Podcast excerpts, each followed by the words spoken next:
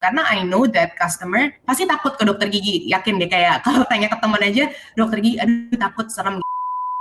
Daily Social Podcast.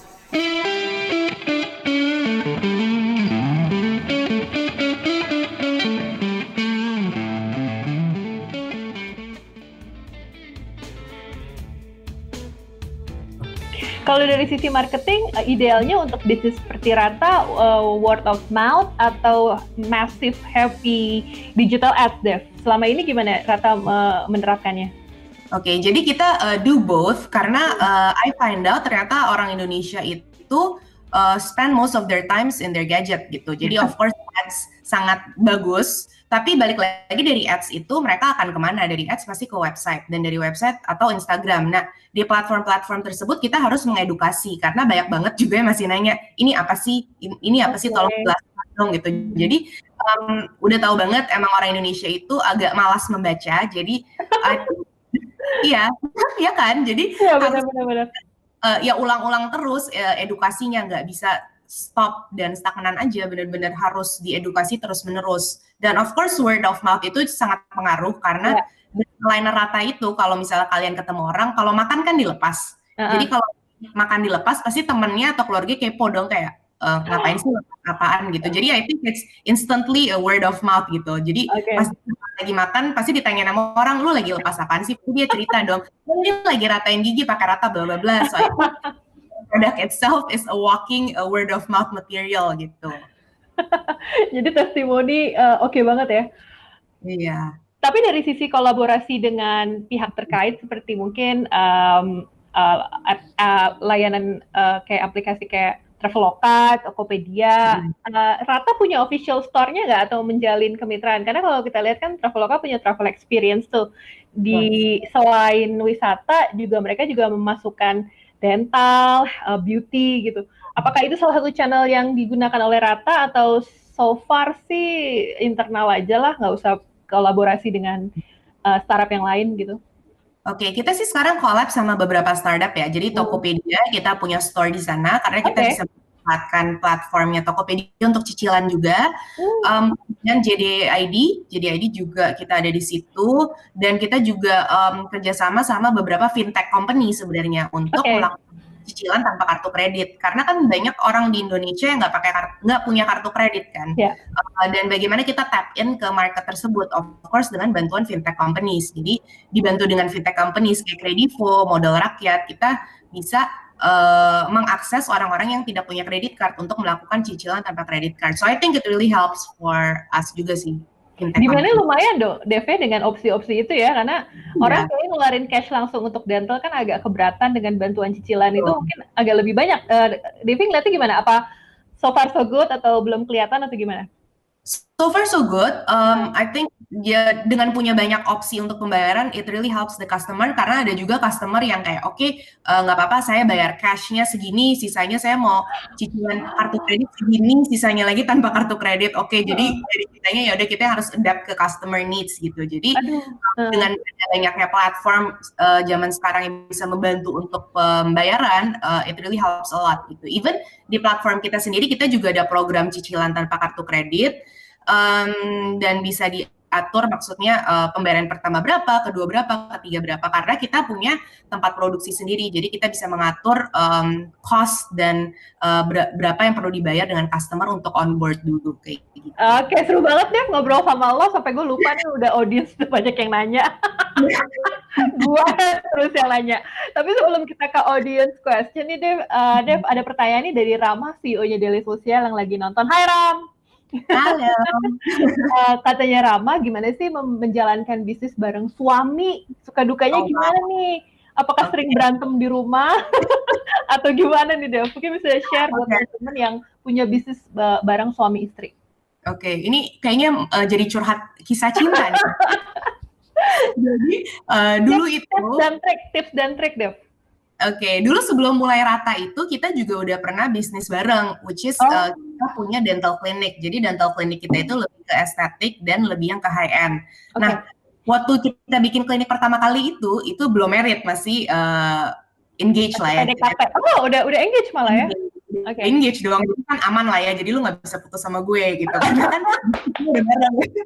okay. jadi uh, sebenarnya sih tipsnya ya yang nomor hmm. satu uh, no partnership sama siapa pun your husband your best friend your boyfriend itu selalu hitam di atas putih sih. Hitam di atas putih paling penting karena kalau cuman ngomong-ngomong janji doang pasti ujung-ujungnya akan ada ribut lah. Maksudnya especially kalau your partner nggak transparent about money karena balik lagi bisnis itu deket banget lah uh, kaitannya dengan money ya I would say mm-hmm. habis itu um, kalau me and my husband itu benar-benar udah tahu vision sama mission kita maunya ke mana sih mm. atau kita merit vision and missionnya sama terus kebetulan kita dokter gigi juga our business juga punya vision and mission yang sama dan kita berdua itu selalu transparan. Of course kalau ada uh, apa ya ribut-ribut dikit pasti ada lah. But I think hmm. it's kalau misalnya kita nggak ada argument or new ideas yang saling nabrak, malah I think it's weird ya. Karena di dunia startup or even business ya justru seru kalau punya ide yeah. dua yang beda dan work on it juga. Dan hmm. uh, I think sih uh, working with my husband it's been really good karena ya hmm uh, kita berdua punya different skill set. Jadi dia yang lebih ke R&D dan as a CEO overlooking everything, aku lebih ke marketing. Karena cewek sama cowok kan juga beda lah ya, maksudnya itu pendekatannya gitu ya, cara menyelesaikan solusi uh, segala macamnya. Instagram gitu-gitu kayak ya beda lah cewek sama cowok otaknya dan I think uh, it's really good. Jadi misalnya gue ngomong ke dia, eh ini ada brand baru nih yang bagus, dia tuh uh, sering dia bisa viral karena harganya murah gini gini gini nanti my husband ya pikirin dari bisnis side-nya sama product market fit-nya kayak oh uh, ternyata dia bisnisnya kayak gini dia bisa murah karena begini begini jadi uh, we are I think we are a good combo sih jadi enggak okay nggak ada yang namanya sering berantem atau gimana. Tapi kalau perbedaan pendapat pasti ada dan I think yeah. it's healthy and normal gitu. Tapi kalau menempatkan diri dengan co-founder yang lain uh, antara Devi dan suami gimana supaya tetap uh, transparan dan tetap equal gitu. Awkward gak atau gimana nih menempatkan uh, diri? Enggak sih. Jadi I think ya kalau untuk mencari co-founder or a business partner itu juga sesusah kita mencari pasangan hidup lah I would yeah, say. Enggak sih kayak susah banget karena komitmen juga seperti ya pernikahan juga komitmen gitu. Hmm. Uh, untungnya co-founder kita itu adalah uh, pacarnya sahabat aku dari aku kecil. Jadi udah oh. akhirnya kayak oke okay, uh, eh, yang pertama kita cari dari partner adalah integrity pastinya integrity dan uh, ya integrity itu menyangkut dengan transparency juga lah ya kayak hmm. vision mission lo apa sih in life sebenarnya kalau udah in sync sama kita ya of course we can be a good uh, partner dan kalau misalnya kita lagi bareng-bareng lagi kerja ya udah there's no uh, husband and wife ya kita okay. business partner bareng-bareng sama co-founder lain. Jadi lebih profesional aja nggak ada yang gitu yang kayak ih kamu kok gituin aku? Kok kamu ngomongnya gitu? aku nggak mau aku nggak mau. Jadi no no no no adorable moments no iya. apa lah ya pokoknya be professional ya. bener. Jadi nggak okay. boleh jadi kalau gue lagi PMS pun gue kayak stay professional stay professional.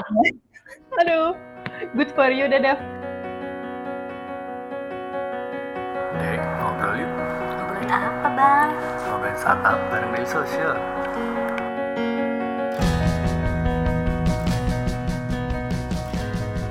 Daily. Dev, ini ada pertanyaan menarik nih, Dev. Um, bagaimana kehadiran Rata membantu kesejahteraan dokter gigi di Indonesia? Impact-nya untuk bisnis yang uh, Deviana uh, terapkan dan uh, profesional dia Devi, Devi sendiri uh, so far gimana setelah ada Rata?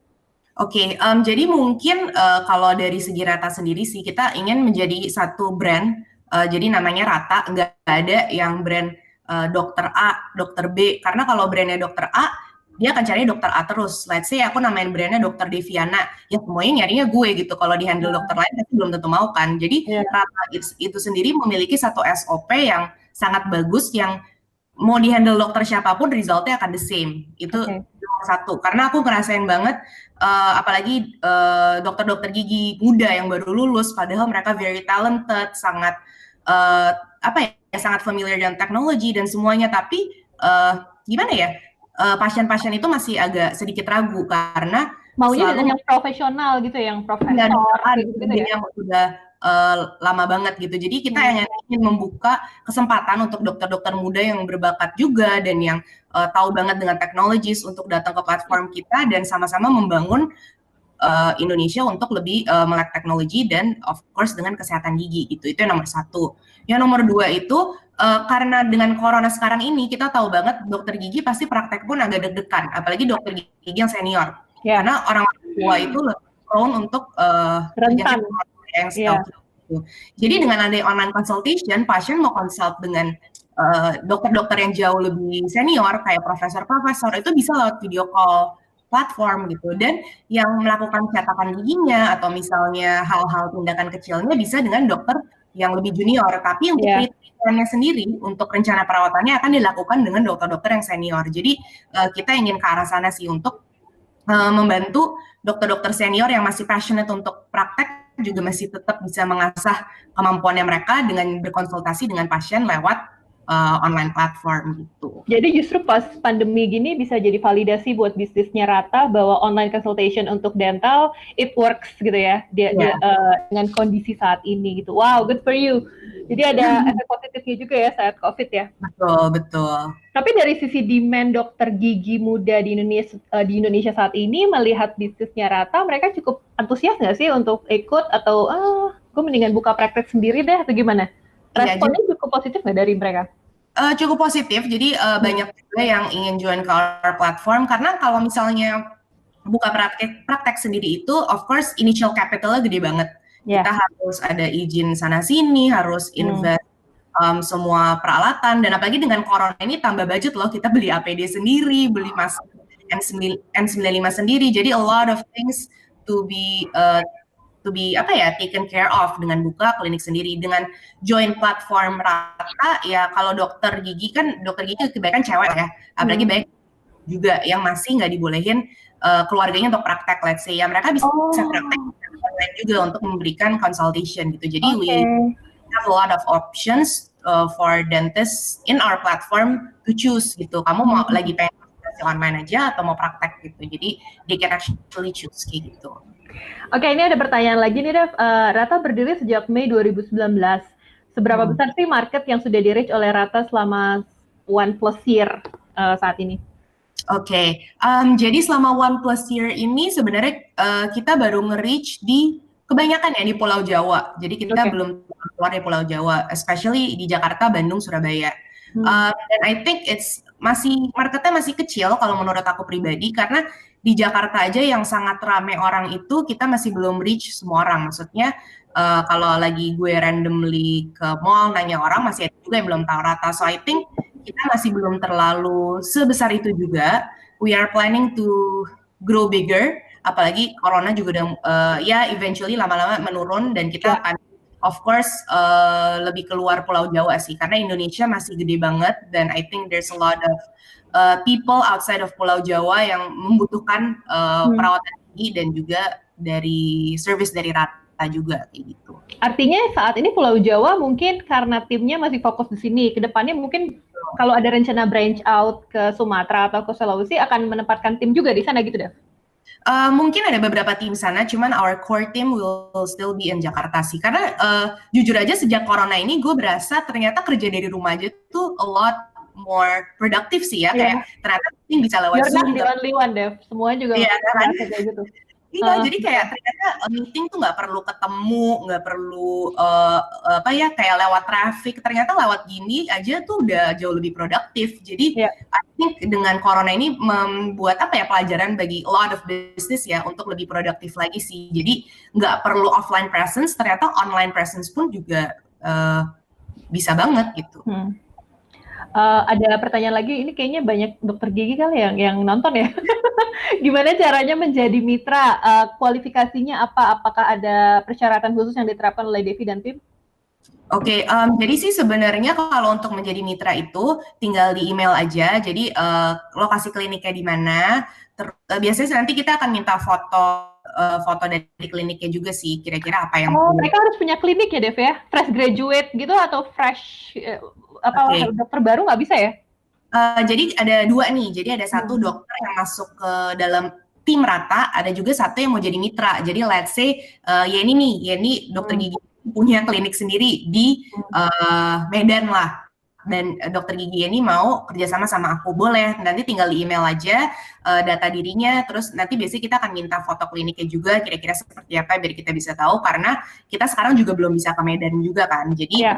um, nanti kita akan ngomongin sih uh, gimana caranya dokter ini uh, akan kita kasih pasien gitu-gitu. Jadi ada technicalsnya. Yang kedua itu adalah bergabung dengan tim dokter gigi rata. Jadi uh, kamu akan gabung sama tim rata dan di tim rata sendiri itu dokter giginya sekarang udah sekitar 30-an lebih. Kita suka selalu ada uh, apa ya online seminar bareng, jadi update ilmu juga. So we're very close uh, community juga. Kemudian uh, bisa praktek di klinik-klinik rata terus um, bisa online consultation juga gitu. Oke, okay. um, terkait market share nih, Dev, uh, uh, bagaimana posisi Rata di market share health tech Indonesia saat ini? Hmm. Oke, okay, jadi kalau untuk health tech Indonesia saat ini sih, kalau untuk uh, health tech yang besar-besar itu lebih fokus ke general health. Yeah. Uh, yang general itu kayak mungkin yang kita tahu Halodoc, Halo Dokter, nah. lebih ke uh, yang setahu aku ya uh, kencangnya itu ke pemesanan obat dan kemudian ke konsultasi dokter hmm. dan belum terlalu spesifik ke arah dental. Jadi untuk market share-nya sendiri sih menurut aku kita masih uh, pegang semuanya karena kita benar-benar spesifik banget mungkin bisa dibilang niche karena kita hanya aligner aja saat ini dan pendukung aligner tersebut ya ada klinik-klinik rata yang bisa melakukan dental service jadi untuk market share-nya sendiri sih kita lebih spesifik banget gitu karena hmm. kalau orang mau pakai aligner pun dia ke platform health tech lain belum tentu bisa gitu karena uh, hanya bisa dilakukan di rata aja kayak gitu sih. Kalau ada penawaran kolaborasi dari startup health tech atau mungkin akuisisi ke depannya bersedia nggak sih Dev meskipun masih baru gini ya? Ada rencana ke sana nggak? Ada ada ada planning ke sana nggak sih? Ya yeah, maybe uh, kalau if we have the same um, vision and mission ya pastinya nggak menutup kemungkinan juga sih. Jadi uh, we are open in all discussion. Jadi aku juga sempat ngobrol sama Jonathan from Halodoc juga and uh, I think mereka lebih fokus ke arah masih medicine and of yeah. course uh, medicine delivery yang uh, bener-bener gampang banget ya. Gue kayak penganut Halodoc banget tuh. Apalagi kalau udah punya anak itu kayak Halodoc is life savior. Terus mereka, mereka juga baru ngerilis konsultasi mental juga sih kayak psikolog. Artinya yeah. kan ada ada chance di sana kolaborasi dengan uh, startup gitu ya, startup health tech gitu. Oh. Iya, jadi uh, emang bisa banget. Jadi hmm. tapi kita lihat uh, kolaborasinya lebih arah ke consultation platform sih kayak okay. gitu. Oke. Okay. Jangan lupa subscribe Ngobrolin Startup Daily Social Podcast di SoundCloud, Spotify, atau aplikasi podcast favorit kamu. Bicara soal model bisnis dan eh, kolaborasi startup, uh, mungkin Dewi bisa cerita nih sebagai health tech yang niche banget ya dental, hmm. ketika mengajukan fundraising ke investor tuh gimana sih uh, pendekatannya Dev? Apakah mereka tertarik dengan healthcare right away atau Devi dan tim harus meyakinkan mereka bahwa bisnis model de, uh, Rata ini uh, more than uh, other business yang sudah mereka terima mungkin pitch decknya. Oke, okay. jadi sebenarnya waktu kita introduce to our investor, uh, kita nggak introduce this as a healthcare, kita lebih oh. introduce this uh, direct to customer pro products. Jadi okay.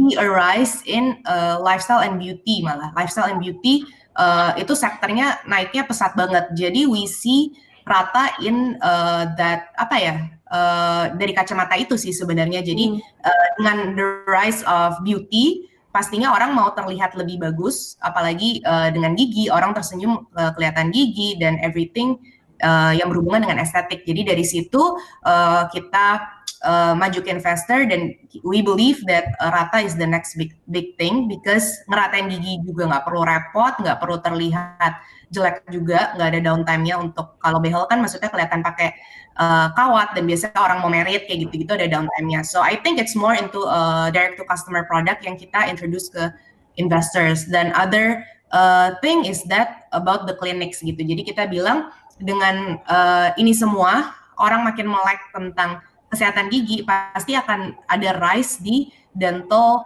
treatment punya sektor gitu. Karena kan orang-orang itu kebanyakan takut kalau misalnya bilang dokter gigi udah takut duluan. Tapi kalau misalnya kita introduce oke okay, lo nggak perlu ribet tapi gigi lo bisa rata mau nggak? Mau gitu. Jadi uh, kalau dari marketingnya sendiri juga aku tone of voice-nya kayak gitu sih nggak selalu yang oke okay, dokter gigi dokter gigi banget. Karena I know that customer pasti takut ke dokter gigi yakin deh kayak kalau tanya ke temen aja dokter gigi aduh takut serem gitu cuman uh, aku iya kan? Aku bahkan Uh. bikin aku as uh, comfortable as possible supaya orang nggak berasa lagi di dokter gigi sih kayak gitu.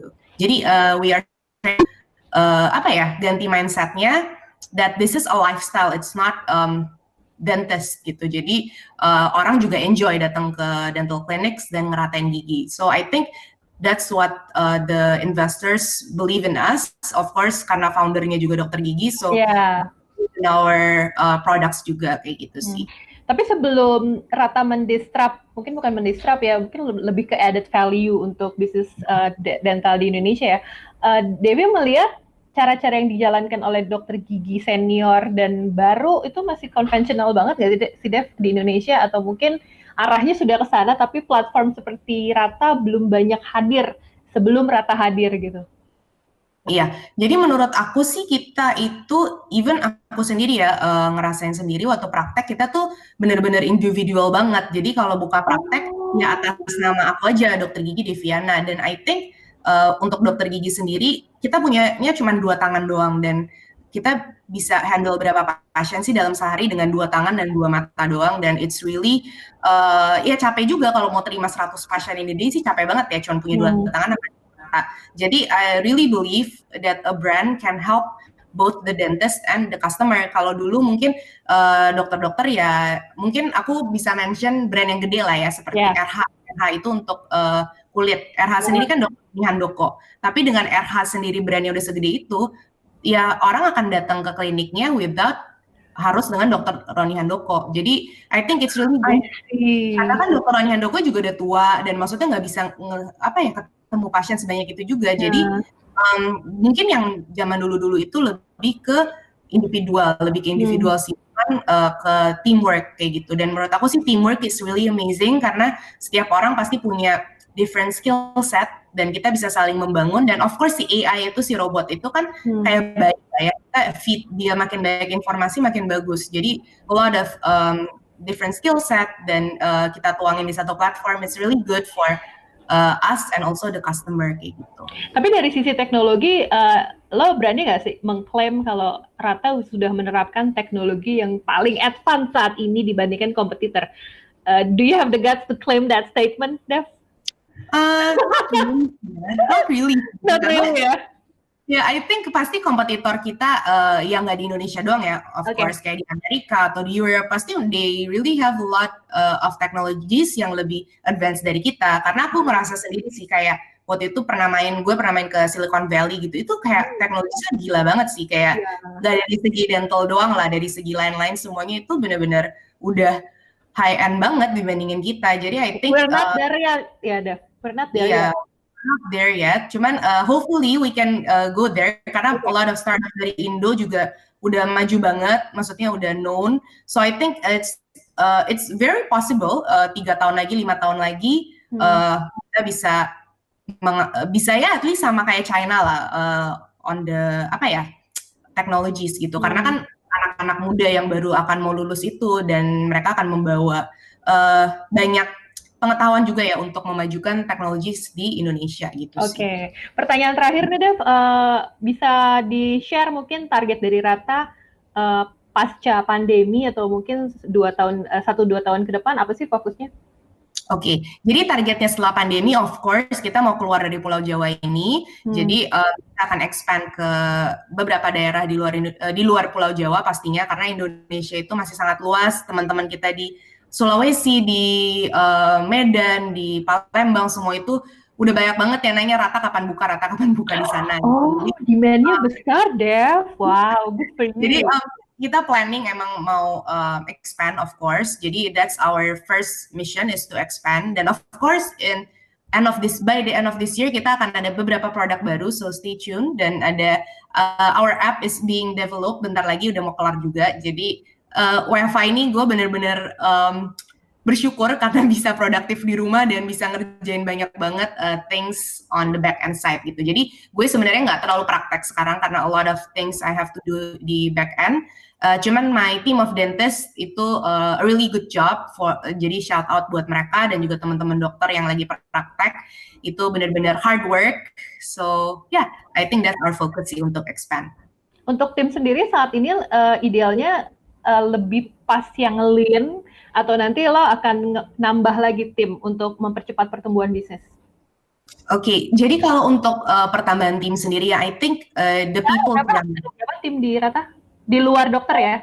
di luar dokter kita ada sekitar 100. Cuman kita banyaknya itu di production karena kan Oke. kita punya production sendiri. Cuman I think balik lagi dengan penambahan orang itu belum tentu jadi makin cepat karena yang penting itu adalah potensial orang tersebut ya kalau menurut aku. Kalau dia berpotensi dan ternyata ada suatu teknologi atau misalnya mesin lain yang kita bisa adapt dan satu orang ini cukup dengan satu mesin untuk menggantikan lima orang dan lebih efektif banget ya why not gitu. Jadi um, I don't really think dengan tambahin orang itu bisa uh, menambah efektif gitu karena balik lagi tergantung potensial orang tersebut dan tergantung dengan uh, posisi apa yang kita berikan ke orang tersebut kalau dia emang uh, bisa pas dengan posisi yang kita kasih ya pasti dia akan berkembangnya jauh lebih cepat gitu jadi it depends sih jadi uh, nggak 100% nambahin orang bisa nambahin expansion tapi kita juga mau lean juga gitu so I Yeah. think uh, we can uh, I can see kayak di middle sih gitu Oke. ya expand on the team dikit tapi nggak terlalu yang semasif itu juga gitu. Oke, thank you Dev. Buat mereka yang mau um, mencari Hmm. tahu lebih banyak tentang Rata, reach-nya Devi ke mana nih? Oke, eh, jadi kalau mau kepo-kepo soal Rata, eh, bisa, bisa ke websitenya www.rata.id or our Instagram at rata.id atau kalau mau message aku bisa ke Instagram aku Deviana Maria atau my email is devianamaria at rata.id gitu. Yang buat ngelamar mau jadi partner juga bisa ke sana ya Dev ya? Boleh. Thank you Dev, sukses buat Rata dan salam buat your husband. Semoga Thank you. sukses Rata. Tapi sebelum kita pamit, eh, saya juga mau ngasih tahu buat teman-teman, eh, next eh, week kita juga masih ada Swell Startup kolaborasi dengan Dell Indonesia. Topiknya How Digital Transformation Help SMEs Grow the Business Scale. Narasumbernya ada Aryo Pratomo dari Digital Content Creator, Diajeng Lestari, CEO Hijab, Cipto Suparto, Country Consumer Lead of Dell Indonesia, dan Aji Jayaloka, Country Marketing Lead of Dell Indonesia. Lead of Dell Indonesia. Terima kasih Wow. Devi. Kita ketemu Thank lagi nanti much. berita terbaru tentang rata selanjutnya ya. Mungkin fundraising mungkin atau expansion. boleh. Kita ketemu di WhatsApp ya. Betul, dan WhatsApp aku. Oke, terima kasih Devi dan sampai jumpa semuanya.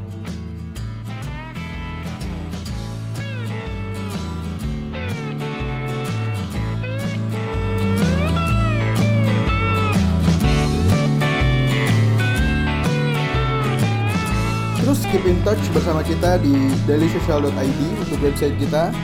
Di Facebook kita ada dailysocial.id, di Twitter kita ada @dailysocial dan di Instagram kita ada @dailysocial.id. Di LinkedIn kita ada Daily Social dan di YouTube kita ada Daily Social.